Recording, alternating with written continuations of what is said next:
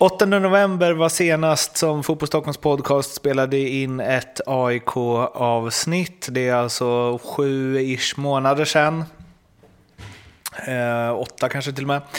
Och eh, Oskar, eh, nu är vi tillbaka med buller och bång.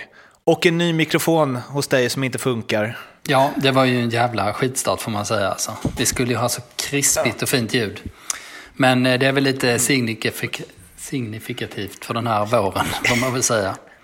Ingenting blev som man har tänkt sig. Ja. Men vi får vara krispiga istället. Det, vi har ju inte snackat på länge som sagt och nu ska det pratas massa AIK en vecka innan Allsvenskan brakar igång igen efter en förskjutning på eh, dryga två månader. Och den översta punkten som vi har på dagens körschema är Coronas relativa vinnare, AIK? Frågetecken. Mm. Vad menar du, Oskar? Intressant tes tyckte jag, eh, som Kristoff eh, Fågel, also known as Osynliga handen, eh, svarade i, ett litet, ja, i en artikel där vi ställde frågor om AIKs ekonomi i samband med att de släppte sin Q1-rapport. Som ju var minus 19, något Ja, precis. Det var ju ett eh, rätt eh, jobbiga siffror där, men det brukar å andra sidan se ut så för Q1. Det var väl lite det man hade väntat sig och det var faktiskt inte så coronapåverkat heller. Eh, lite grann kanske, men i stora drag var det ungefär så som man hade tänkt skulle se ut.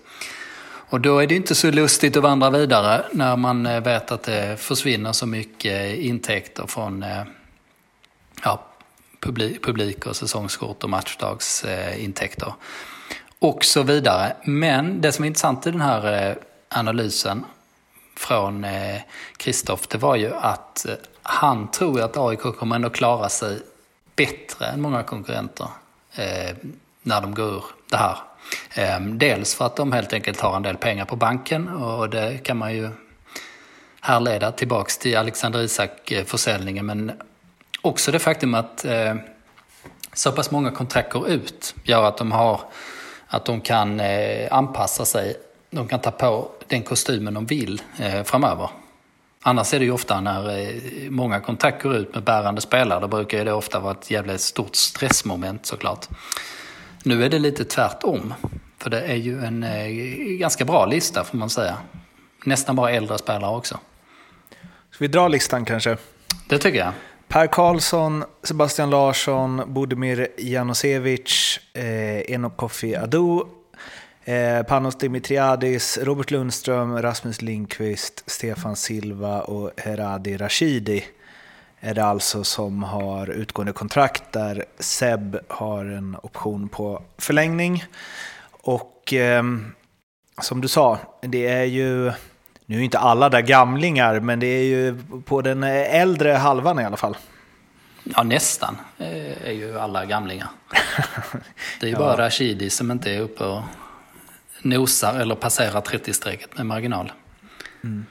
Ja, eh, och nu försökte väl jag mer så här, vad som är gamlingar. Alltså, jag menar en sån som Per Karlsson och Sebastian Larsson känns ju som att de de är unga i, i, i, kroppar och skulle kunna spela flera år till. Men eh, det är ju en stor lista och det känns också som att det är några av dem som sitter på löner som kanske inte riktigt överensstämmer med prestation om man ser till förra säsongen. Nej, verkligen inte. Eh, och på den här listan är det ju ganska lätt att prioritera på den. Att Sebastian Larsson kommer förlänga kommer man nog, kan man vara rätt säker på. Det finns ju en sån här option där det redan är eh, bestämt vad, vad det skulle innebära om man förlänger. Och sen har man eh, Per Karlsson, svår diskussion, eh, som jag tror man väntar med ganska länge. Eh, och eh, sen finns det eh, liksom eh, Lund, Lundström, Rashidi, Janosevic som man skulle kunna förlänga med. och att de har liksom trupproller. Men Ado, Panos, Lindqvist, Silva kommer man ju göra sig av med med allra största sannolikhet. Så det kommer ju bli en ordentlig makeover efter det och det är som sagt värdefullt att man då kan styra sina, sina kostnader på det sättet för det är det, är det som är det allra svåraste för klubbarna nu. intäkterna försvinner och kostnaderna finns det inte så mycket, mer, så mycket att göra åt om man har långa kontrakt.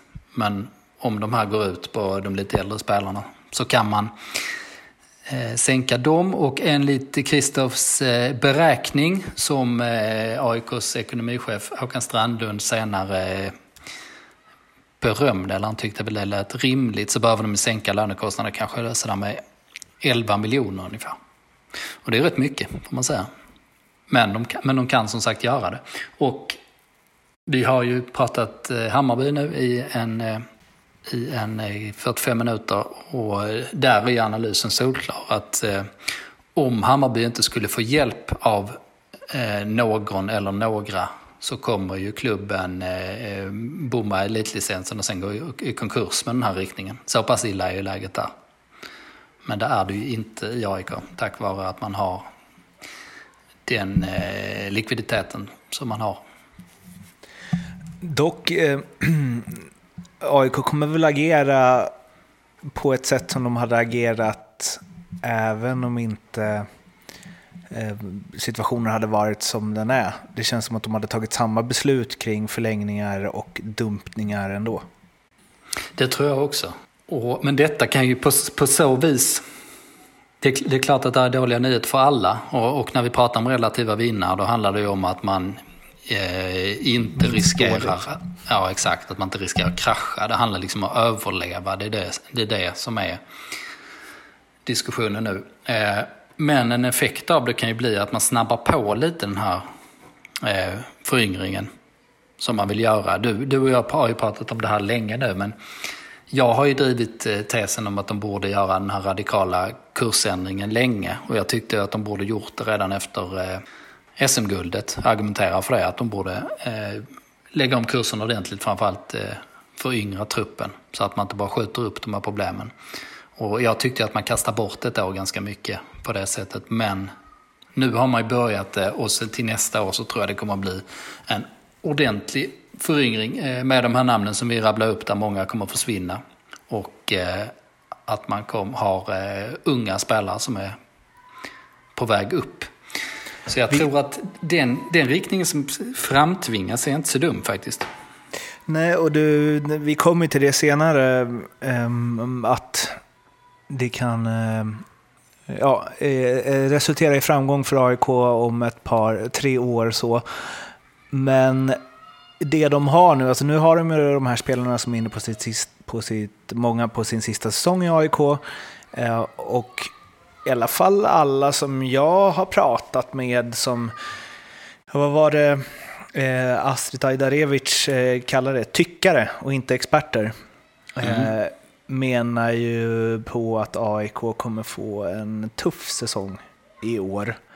Eh, det finns ju någonting ibland, jag vet inte om det är efterhandskonstruktioner, men att så spelare som är inne på sitt sista år i klubben, som kanske är 32-33 år, Ehm, ja, att man krämar ur det sista, det är liksom sista resan ihop och så vidare.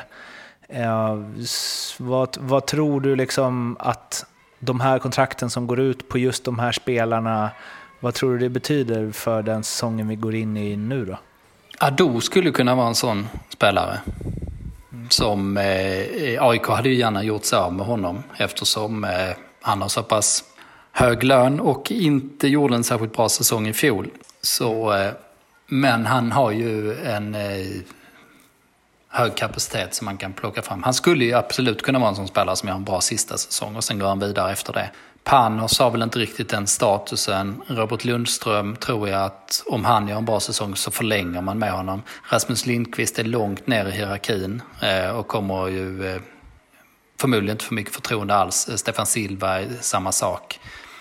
Eh, Rashidi räknar inte riktigt in där eftersom han är lite, lite yngre spelare. Eh, men en annan tes där, apropå att de skulle kunna vara liksom en, eh, en relativ vinnare handlar om att jag tror inte de var ett dugg redo för säsongen eh, när den skulle ha startat. Nu, det var ju ingenting som tydde på det fram till den här cupmatchen mot Kalmar när man trots allt gjorde en ganska bra match och vann med 3-1. Eh, men jag tror, och, då blev det en jävla massa optimism eh, plötsligt. Men för mig kändes den lite så här eh, framtvingad, att man, man var tvungen att välja att vara optimistisk. För jag tyckte inte den där matchen så såg bra ut heller. Jag tyckte att man fick den segern lite till skänks med två ganska billiga mål där Kalmar gick bort sig med, med backlinjen. Så det, det, jo, men det var en ganska bra match, men jag tyckte inte det var svaret på att man var klara. Eh, I och med att man då skulle bygga om så pass mycket, 3-4-3. Eh, och eh, man hade nyckelspelare som man väntade på och så vidare. Och på så vis kan det vara bra, för då har de ju fått gnugga på den här uppställningen. Och sen har man eh, Nabil och Kolbein lite närmare spel, eh, även om båda fortsatt är frågetecken. Så, eh, så tror jag ändå att AIK, jag är, inte, jag är inte fortfarande inte säker på att de är redo, men jag tror de har större chans att vara det i vart fall. Men du tror inte det finns någon eh, sån faktor som jag försökte, att så här, sist, sista året med gänget, nu kör vi extra, en knyter last dance, En Ja. last dance-faktor. Nej, jag ser inte det riktigt så. Eh, För att jag tror att de viktigaste spelarna där kommer fortsätta ändå. Sebastian Larsson kommer fortsätta. Eh, Per Karlsson är ju... Ja, men om han är ordinarie hela säsongen så tror jag de förlänger med honom. Men om han inte är det så... Då kan han ju inte bidra så mycket med en, med en sista dans där heller. Ehm, Så eh, ja, jag är lite, lite tveksam till AIK och den här säsongen. Eh, Det finns lite för många frågetecken fortsatt, tycker jag. Men jag tror som sagt att det kommer hända jävligt spännande saker om vi, om vi blickar framåt. Är det liksom eh, vaska-läge på säsongen till och med? Är det så här, räkna bort, det finns inte en chans att de är med och slåss om guldet? Nej, för det finns inte så mycket att vaska med. Eh, Om, om, man, ska, om man ska vaska då ska det finnas en eh, långsiktig poäng med det. Att man sparar mycket till exempel, att man ger unga spelare chansen. Man testar en ny spelidé som man verkligen ska implementera liksom i, i en utvecklingsfas. Och, och så ser jag inte det riktigt. Utan jag ser som den här säsongen eh, gör det så bra man kan bara. Eh, och sen nästa år ordentlig föryngring och sen så 2022 eller 2023 så är man på toppen av den här cykeln. Och då har jag... Jag satt ju till och med rubriken här, körschemat. Därför tar AIK SM-guld 2022. Eller kör- 2023. Vi kör en bumper på det då, så ni får eh, hållas på halster i tre sekunder. då vänder jag på den här rubriken då, Oskar, och frågar varför tar AIK SM-guld 2022? Mm, märklig spaning att snacka om en vecka innan, innan eh, den här säsongen ska gå igång. Men Eh, någon gång ska det pratas om. Ja, exakt. Nej, men jag tycker man glömmer ofta det här, eh, de här cyklarna, att det tar ofta ungefär tre år eh, Eh, från att eh, komma upp på en topp och sen bygga om och komma upp på nästa. Och det är rätt tydligt att eh, AIK har, efter SM-guldet så försökte man ju ligga kvar på toppen 2019, vilket gjorde att man fördröjde processen. Och nu, och nu börjar man ju om med föryngringen och sen tror jag den stora föryngringen kommer till nästa år och då bör man vara på toppen igen 2022 eller 2023. Och det ser jag mig framför, eller då ser jag framför mig att det kanske är Sebastian Larssons sista år i karriären. Och han kommer att hålla lika bra nivå då fortsatt. Eh, I stort sett i vart fall tror jag. Och sen har man kanske sådana som Karol Metz och Nabil kanske är på absolut peak just då. Samtidigt som de här unga spelarna, nu har man ju riktigt fina talanger här i Robin Tihi, Paulus Abraham och Tom Strannegård och Erik Karl kanske till och med. Eller Karl som eh, har sett rätt bra ut enligt rapporterna nu på våren och kanske är startspelare till vänster till och med när 81 och är, eh, är skadad. Men man kan ju se i vart fall eh, alltså en möjlig utveckling att de, de skulle kunna vara på en jävligt bra fas allihopa. Alla de där talangerna, när de är tillräckligt bra för att prestera på hög nivå innan de har hunnit säljas och sen de andra gubbarna är i, i bra form också. Det känns ju dock, eh, om jag får eh, motsäga mig det lite, det känns ju som att sådana spelare, ja 22 möjligtvis, eh, men säsongen eh, 2023, vad konstigt det känns att prata om det här, men då känns det, alltså om spelare som Tihi och eh, Paulus Abraham och Strandegård och så, om de är så bra då så att AIK eh, liksom är en favorit eller en av favoriterna till att vinna SM-guld. Om de är så bra när de är så unga, då känns det som att de försvinner innan 2023. Eller mm. definitivt den sommaren. Precis, så kan det ju alltid vara. Mm. Eh, och det är lite svårt att säga exakt när de eh, försvinner, vad som kommer hända där. Men man kan åtminstone se framför sig att ganska mycket talar för att de kommer att ha ett jävligt bra lag då. Mm. Om de eh, verkligen vågar att bygga om. Och det kan ju vara ett sätt Alltså, den är lite lurig för ofta sponsorer till exempel vill ju bara höra att nu är det storsatsning i år. Nu går vi för det. Det är ju det enda sponsorer bryr sig om. De är ju inte intresserade av ett eh, projekt medan eh, supportarna kan vara det. Eller just ordet projekt studsar ju många på i och för sig. Då tänker man väl på PSG och sådär. Mm. Men supportarna kan ju vara mottagliga för en eh, lite mer långsiktig strategi i vart fall. Om man kommunicerar ut det på ett, på ett smart sätt. Men, och det men, tycker jag inte AIK har gjort. Alltså de har gjort det till, till hälften, att de behöver föryngra och så vidare. Men de har ju också inför säsongen pratat om att de skulle vinna allt. Eh, vilket var märkligt tyckte jag. Vinna allt i år.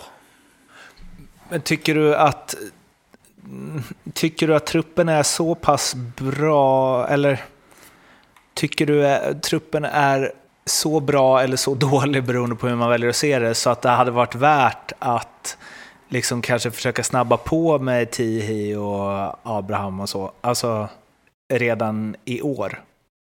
Mer liksom. Att alltid upp med dem, för att de här kontrakten på de här spelarna går ändå ut och ju mer vi ger dem chans att misslyckas nu, desto större är chansen att vi kan ha nytta av dem 2022. Tycker du att man ska resonera så eller blir det konstigt i AIKs kläder? Liksom? Eh, jo, men jag tycker att man ska resonera en del åt det hållet i vart fall. Att man ska ha som ambition att spela de unga spelarna och eh, man kanske istället för att de vars kontrakt går ut, att man inte satsar lika mycket på dem. Det, ty det tycker jag absolut man ska göra. Sen så är det ju å andra sidan så att om, om det till exempel eh, står och väger mellan att ta en Europaplats och inte ta det, då är ju det kortsiktiga jävligt viktigt också såklart. Mm. Ja, framförallt kanske... nu. I ja. ekonomiskt svåra tider. Men mm. um, du var ju också inne på att Mm, AIK inte såg eh, färdiga ut eh, under eh, kuppen innan det här avbrottet. Och vi ska in och gno lite mer i det. Som sagt Oskar, du sa ju tidigare att AIK inte såg så imponerande ut under kuppspelet och så, och att det här kanske faktiskt var bra att de fick den här extra tiden på sig, till skillnad från i Hammarby-avsnittet där vi var inne på att Bayern kanske gärna hade startat säsongen som vanligt istället för att få den här fördröjningen på vilket sätt eh, Ja, jag var också inne på att det är många som liksom inte riktigt tror på AIK i år av tyckare, experter, folk utanför klubben. Eh, på vilket sätt kan man motivera något sånt? Att de inte är, är eller var eller är klara? För allt har inte blivit bra bara för att det har skjutits två månader. Nej, det har det ju säkert inte blivit. Eh, men det blir ju... Det, blir, ja, det är jäkligt svårt att säga, säga var lagen står såklart när man inte ens har varit nere på några träningar. Eh, för att få en känsla. Men eh, nej, jag, har ju, jag tror dessutom att den här 81 och skadan kom extremt olämpligt för att om man ska spela det här systemet, eller egentligen alla spelare med wingbackar, Ehm, om de bara funkar, om de bara tar sin korridor, ehm, så så är systemet oftast ganska stabilt. Då funkar det ofta någorlunda. Ehm, och nu har man ju ett stort frågetecken till vänster och sen så är det inte helt klart till höger heller. Nabil kan ju komma tillbaks ganska snart men det är trots allt en korsbandsskada han ska återhämta sig från. Och Kolben har haft många eh, motgångar och man har ett nytt spelsystem och så vidare. Så det är väl det som talar emot att det skulle gå sådär eh, bra för dem. Dessutom har de ett jättesvårt spelschema i början, men det tycker jag nästan är bra för dem. Um, varför då? Slå er underläge? Mm, och att AIK brukar ju starta säsongen och segla segt eh, och tappa poäng mot eh, lag från undre halvan. Ehm, och sen brukar ju det hända saker på från sensommaren och framåt. Då brukar AIK hitta de här riktiga formtopparna. Och har vi med att göra med samma mekanismer i år så kanske det är lika bra att man har Ska vi se, det är Örebro borta i premiären. Det är ju inte sådär supersvårt kanske. Men sen har man ju Norrköping, Hammarby, Malmö och eh, Göteborg. Och Göteborg har man ju på bortaplan. Så av det schemat man har fått hittills så är det ju så, så svårt som det bara skulle kunna bli. Alltså lika bra att stöka av de svåra matcherna när man ändå inte är bra. Ja, kanske. Mm. Det är ju en, eh, teori. Som ja. skulle kunna vara 100% fel också. Men, men jag men, tror ändå att AIK, alltså nu är ju tanken att de ska vara lite mer ambitiösa och eh, liksom proaktiva istället för att de har den här reaktiva fotbollen. Men jag tror ändå att AIK är ju, gillar ju ändå när de kanske inte behöver ta initiativet. Inte, om de kanske inte riktigt behärskat det till en början, att verkligen ta taktpinnen på det sättet. Så det kanske det är bra att man har mer ambitiösa lag i början. Jag eh, skulle vilja säga att när jag kollar på liksom en förmodad startelva där, och då är ju både Colbain och eh, Nabbe och liksom deras status när de kan vara inne i det igen och leverera och så är ju osäker, men det är ju en... Eh, alltså så här, från vad vi vet nu, det kan ju vara en jätteutveckling på Ylletopa och så vidare, men det är ju eh, ja, men anfallsmässigt är det ju Henok Goitom. Liksom. Om inte Paulus Abrahams liksom bara tar alla med storm. Mm, så är det ju. Man hade ju verkligen behövt... Eh, alltså med fjolårets trupp och en frisk Nabil så hade ju 3-4-3 varit ett eh, jätteintressant alternativ. Åtminstone man ser på de positionerna. För att ha Nabil och Tarik El i de där rollerna. Mm. Det vill säga de som är offensiva spelare med stor frihet som utgår lite från kanten så där hade ju varit helt perfekt. Ehm, och det var ju, ja när säsongen började var det ju Asani och Ylätupa som skulle ta de där rollerna. Och, och båda de gjorde ju bra matcher, här, eller bra matcher just mot Kalmar. Men, men eh, det var ju ingenting som tydde på att det skulle vara toppklass när serien började. I övrigt så. Så den är ju tunn. Eh, däremot finns ju Paulus där, Abraham ung förmåga eh, som kanske inte är klar men det där är nog en, en riktigt, riktigt fin talang. Allting talar ju för det. Liksom Robin Tii som eh, lovordas eh, väldigt mycket internt. Mm, jag har två grejer efter eh, långt samtal och poddande med Tobias Hysén eh, som jag skulle vilja ta upp här också, som jag tyckte han hade eh, ja, eh, värt att diskutera kring något och jag vill höra vad du tycker om det. Dels Colbain sa han att eh, han eh, helt slutat, av det han sett, liksom, helt slutat eh, tro på att AIK kommer få ut det de ville ha av honom. Att det har varit för mycket strul eh, och jag tror Pontus Wernbloom spelade med honom i Holland och Tobbe hade ringt till Pontus och så hade han frågat, men tror du, han kan, tror du det kan liksom explodera och verkligen, tror du kan, att AIK kan få ordning på honom? Liksom? Och då sa Pontus, ja, det skulle kunna gå om han skärper sig, men det kommer han inte göra för han är en idiot. Sådär ja. Utvecklar han det på något sätt? Nej. men det är väl att han Uh, ja, har uh, lite svårt att hålla sig professionell vid sidan av och så vidare och liksom haft svårt med fokus och så.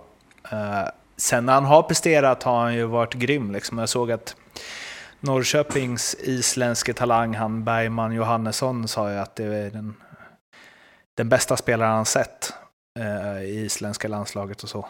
Men jag vet inte, hur länge har AIK tid att vänta på det liksom? Mm. Nej, det är en bra fråga. Det är ett superfrågetecken givetvis. Mm. AIK har inte så mycket val heller. Eftersom man har kontrakt med honom så, eh, ja vänt, de, de får väl vänta tills kontraktet går ut i så fall om, om det fortsätter bara strula så här och det inte, och det inte blir någonting av, av det. det. det. hade ju också varit en bra situation för AIK om det kontraktet gått ut såklart. Um, för då hade man ju haft lite kontroll liksom. Om, om det, det är väl egentligen bara, ja om det blir dundersuccé nu i som, sensommaren eller till hösten så är det ju bra att ha honom på kontrakt såklart så man, så man kan eh, utnyttja den situationen. Men nej, den där är ju ett jättefrågetecken. Ehm, däremot är ju Henok ett jävligt eh, säkert kort såklart. Eh, och även om han dras fortfarande, konstigt nog, med liksom att rykten om att han är skadebenägen så är han ju inte alls det, utan han spelar precis alltid. Det var rätt många år sedan han hade de där bekymren, så även med tajt spelschema så tror jag att Henok kan spela där centralt i ett, ett 3-4-3 omgång ut och omgång in och eh, göra det bra. Sen så, eh, det, det får man ju säga, Colbain och Nabbe, det är väl, eh, ja alltså om det slår väl ut så är det ju kanske den högsta potentialen hos ett anfallspar i allsvenskan. Eller en anfallstrio.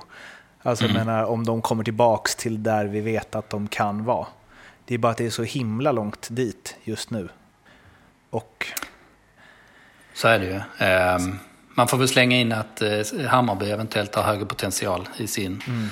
Om de får in uh, en, ett litet nyförvärv under, under sommaren. ja, Men... Uh, nej, visst. Och Nabil... Ja, ja alltså, när han slog igenom där i AIK då hade han ju liksom varit oambitiös och kastat bort en del eh, år i Brommapojkarna. Han funderade till och med på att sluta ett tag. Ehm, men då när han körde på AIK och fick förtroendet och karriären gick uppåt, då tog han sig faktiskt hela vägen till landslaget. Till, till liksom riktiga landslaget så att säga. Det var han och Emil Forsberg gjorde ju eh, debut samtidigt. Det var de två från allsvenskan som kom dit. Ehm, och sen så har ju Nabil inte fått någon ordning på karriären alls. Det har liksom varit dåliga val och otur och eh, mycket politik och konstiga historier. Och sen såg man ju lite vad han kunde när han kom tillbaka och var så exceptionellt bra där precis i de för, första insatserna nu för, för AIK innan han fick den där skadan. Och det kändes som att nu, hade, nu var han till sist klar liksom mentalt, att han hade mognat och han verkar extremt hungrig på att verkligen testa hur jävla bra han kan bli. Om man verkligen, verkligen gör allt. Eh, och det har han pratat om mycket nu under rehaben, att han ser det som en möjlighet att bygga upp fysiken på riktigt. För han tycker inte han har gjort det. Alltså att han har inte byggt den eh, metodiskt. Så eh, Nabil i ett 3-4-3 till exempel eh, tror jag kan bli eh, hur bra som helst.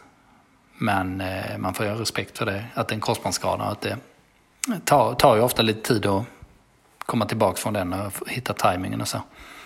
Så det är liksom i de här analyserna, det blir, det blir mycket å ena sidan och andra sidan. Mm. Det finns inget som talar för att det kommer gå jättebra, men inget som talar för att det kommer gå dåligt heller på något sätt. Jag sa ju att eh, Tobbe Hysén tog upp två grejer och den andra grejen förutsätter ju att AIK inte håller fast vid 3-4-3 utan spelar någon form av eh, ja, 3-5-2 med wingbacks. Liksom. Um, där han, Eh, som ju har, har, spelat en del med Sebastian Larsson, så han borde väl ha koll. Men där han sa att om jag hade fått bestämma hur AIK skulle spela så hade jag sett till att det var två, två innermittfältare i form av Ado och Ofori som har liksom mer ja, tillbaka sjunkna i banan och eh, bollvinnande, spelfördelande och så vidare. Och sen bara släppa Seb Larsson fri.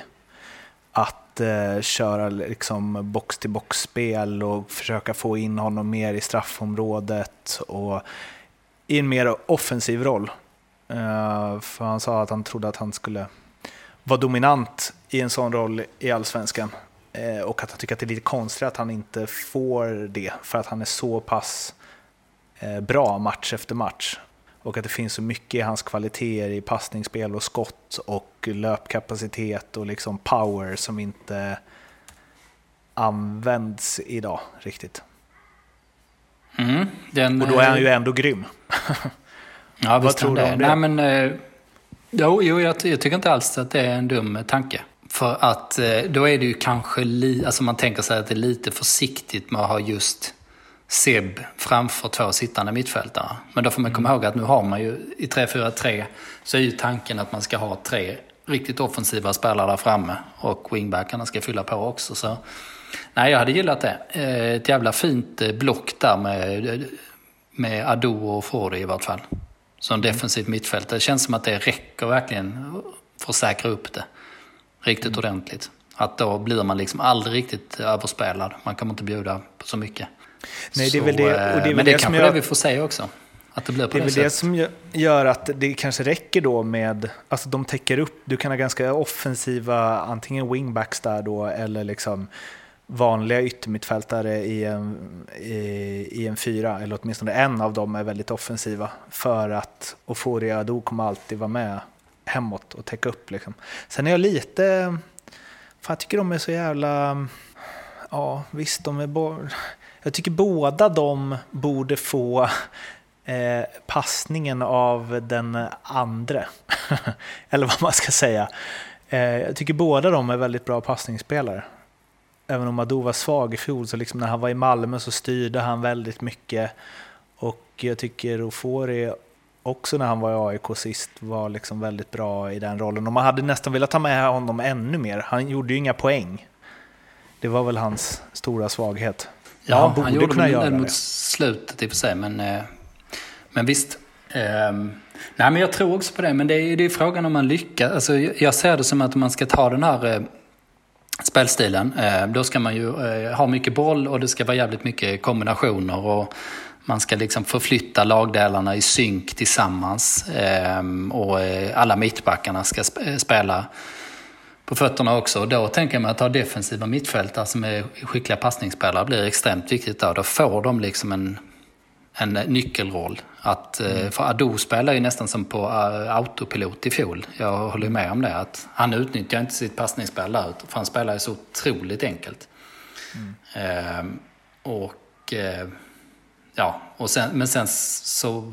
Det ska han ju utnyttja, men han ska inte gå offensivt överhuvudtaget. Han är ju till exempel, en, han är ju till exempel den enda spelaren i Allsvenskan som inte kan skjuta. Som aldrig lärt sig hur man skjuter. Det är ju eh, helt otroligt är det faktiskt de gångerna han försöker. Och bollen studsar ut till honom och, liksom, och han eh, ja, hamnar väl vid hörnflaggan med någon slags skruv på den. Liksom. Ehm, och Fordi kan, kan ju allt det där, men jag tycker också att han ska vara långt ner i planen. Nu har han tydligen utvecklats en del på senare år. Ehm, eller utvecklats, kanske svårt att säga när det inte gått så jäkla bra, men han har åtminstone lagt till lite mer offensiva dimensioner tydligen. Men jag tycker ändå inte, han är definitivt ingen tia. Det tycker jag eh, att eh, Hyséns idé där med Sebastian Larsson låter utmärkt. Men tänker du att det är, är det ändå Ofori som ska ha mer av bollen än Ado? Ja, det tycker jag absolut. Eh, för Ofori, liksom, han är ju inte bara en bra passningsspelare, han är ju bra på att vinna meter också. Han liksom plockar mm. sig gå förbi eh, motståndare, kan dribbla dem eller kombinera och sådär. Och det, det har ju inte Ado i sig. Nej. Jag kanske lever kvar lite i när han var i MFF och var väldigt bra. För då var mm. det mycket, alltså han, eh, ja, men många, mycket crossboll, eller liksom genomskärare crossbollar, styrde spelet från en ganska låg position i plan. Eh, då behövde han å andra sidan inte, här behövs han ju göra mer jobb också. Alltså där fick han bara bollen hela tiden. Han behövde liksom aldrig vinna den riktigt. Mm. Uh, men, uh, uh, Seb i en sån roll hade varit kul att se. Det lär vi väl inte få se dock. Ja, säg inte det. Det är inte omöjligt Eller? tror jag. Ja, okay. jag tror inte det är alls omöjligt att det, att det blir på det sättet. Nej, då helgarderar vi oss. En annan grej med Sebastian Larsson som eh, är extra intressant den här säsongen är ju att eh, det kommer inte vara någon publik på matcherna eh, till en början. Och ja, av tv-bilder, att vad man kan utläsa av dem, så han brukar ju prata en del med domare och så. Är han en, en den spelare som pratar mest med domarna? Ja, det måste, han, det måste han ju vara. I och med att han klagar på alla domslut alltid. Liksom, det, det, går ju inte att klaga mer än vad han gör. Han tycker att 100% av domsluten är fel och visar det tydligt. Så eh, det ska bli jävligt intressant att se vad Sebastian säger på planen egentligen. Han Det är känns ju en- inte som någon som bara kan lägga, lägga till att hålla handen framför mun heller.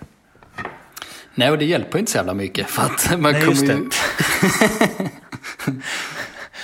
Nej, han, han kommer inte kunna prata tystare heller. Nej. Han Ja, känns som att bli- han, det är väldigt impulsiva reaktioner. Ja, nej, man kommer nog höra väldigt mycket vad han säger. Det ska bli intressant. Men jag kan tänka mig också att man tröttnar lite på det efter ett tag. Alltså att det blir så jäkla spännande i början. Alltså, fram, framförallt kommer det ju bli eh, märkligt om man kommer att känna så att någonting saknas sådär såklart. Det kommer nog vara rätt starkt det intrycket liksom att lägga sig över allting. Men sen tror jag att man kommer tycka det är spännande att man hör så mycket vad alla säger. Eh, definitivt när man är där kommer man ju höra precis allting. Eh, men man kommer säkert höra en del på eh, tv också. Åtminstone kan man ju ta upp vad de säger på ett ganska lätt sätt. Eh, ja. Så, Fy fan vad man kommer vara trött på den vinkeln i sändningarna efter några omgångar. ja, just det. För Det det, kommer, känns, höja, det kommer höja ribban också. Det hjälper inte att man någon får ett vansinnigt utbrott eller säger någonting som folk, folk studsar på. Nej, det kommer inte behöva någon, någon Seb-cam tror jag. Utan det, man kommer nog få det serverat ändå. Ehm, en annan sak som är direkt kopplad till publik, eh, men som kanske är inte så mycket om den är där eller inte, är ju Per Karlsson som vi var inne på i början, som ju är en favorit hos de flesta AIK-are och har eh, en lång och trogen tjänst där, men han är som sagt en av de som har utgående kontrakt. Och det verkar inte helt givet med en förlängning och han själv eh, sa väl att ja, nej, då får jag väl se mig omkring då. Får jag börja här, Oskar? Mm. Du Jag får göra tycker som du att vill. det är en super no-brainer för AIK att förlänga med Per Karlsson. Han är fortfarande en av allsvenskans bästa mittbackar. Han kommer vara tillräckligt bra nästa år för att eh, på ett eller flera sätt hjälpa AIK då också. Och ehm, ja, visst det är business och så vidare. Men har man den historiken som Per Karlsson har i AIK och presterar på den nivån som allt talar för att han kommer prestera på även nästa säsong, om han inte får några skador eller så i år, så tycker jag att det är liksom hål i huvudet om man inte förlänger med honom i liksom allt det innebär i, i budskap och liksom ja, allt det signalerar. Jag tycker det är givet att de ska förlänga med honom. Och jag förstår inte ens hur det har kunnat komma upp på det sättet som det har gjort och att han ska börja prata om andra klubbar och så. Det känns eh, märkligt. Det har ju varit eh, lite sådana tendenser tidigare också. Eh, när han har förlängt kontakt. Det har gått, varit ganska sent man har gjort det. Och Pertan själv har varit lite förundrad liksom, och sagt att det inte har... Nej, vi har inte diskuterat det än och, och tyckt att det var lite konstigt sådär. Jag lutar ju också åt ditt eh, håll. Eh, men jag tycker inte det är så konstigt att den här situationen uppstår. Eftersom man inte kan förlänga några kontrakt alls. Eh, man vågar väl inte det helt enkelt med äldre spelare när man, när man måste kapa så mycket i lönekostnader. Och sen så finns det väl en liten osäkerhetsfaktor där också. Nu när man ska spela på ett annat sätt, att man vill ha bollskickliga backar och sånt, så kanske gör man att man tvekar lite på det och möjligtvis att man vill släppa fram en sån som Tihi eh, till exempel. Och sen så har det ju snackats om att Milosevic kanske finns där och kan vända dit. Det var till och med ganska seriösa diskussioner, eh, hörde jag, eh, innan hela den här situationen slog till. Att de nu hade en ganska bra chans att skriva ett, ett riktigt kontrakt med honom, så att säga. Och då är det inte konstigt för mig, tycker jag, att saker och ting tar tid. Jag tror det kommer lösa sig i slutändan och att han kommer stanna. Men eh, nej, jag kan ändå förstå att, att situationen uppstår. Men han har ju inga ambitioner om att sluta till exempel. Han borde ju hålla ett bra tag till och det var ju bara två år sedan som han blev utnämnd till bästa backen i, i hela serien. Mm. Sen så även om de ska ändra spelsätt och så, det är det jag blir lite så det är klart att han kommer kunna bidra med något som är så mycket den föreningen och liksom hans inställning, hans rutin, hans här, ja, det är kanske en klyscha, men komma till jobbet varje dag och liksom sätta en viss nivå. Eh, framförallt i det här som vi pratade om tidigare, att det kommer bli en sån stor föryngring. Jag tror att det är superviktigt att ha kvar. Alltså han, han och Seb liksom.